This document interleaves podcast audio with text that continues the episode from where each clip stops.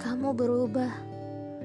Kamu yang dulunya selalu menyapa aku setiap pagi, kini hanya menghubungiku sesekali. Kamu yang dulu selalu membalas pesanku dengan hangat, kini justru hanya membalas dengan singkat. Kamu berubah. Kamu yang sibuk dengan duniamu, mengeluarkan aku dari prioritasmu. Kita yang dulu setiap berbicara selalu penuh tawa canda, kini justru hanya berisi marah dan tangis saja. Aku mencoba bertahan berkali-kali, tapi hatiku tersiksa. Benar seperti yang dikatakan orang, jika memang sudah tak bisa bersama, mengapa harus memaksa?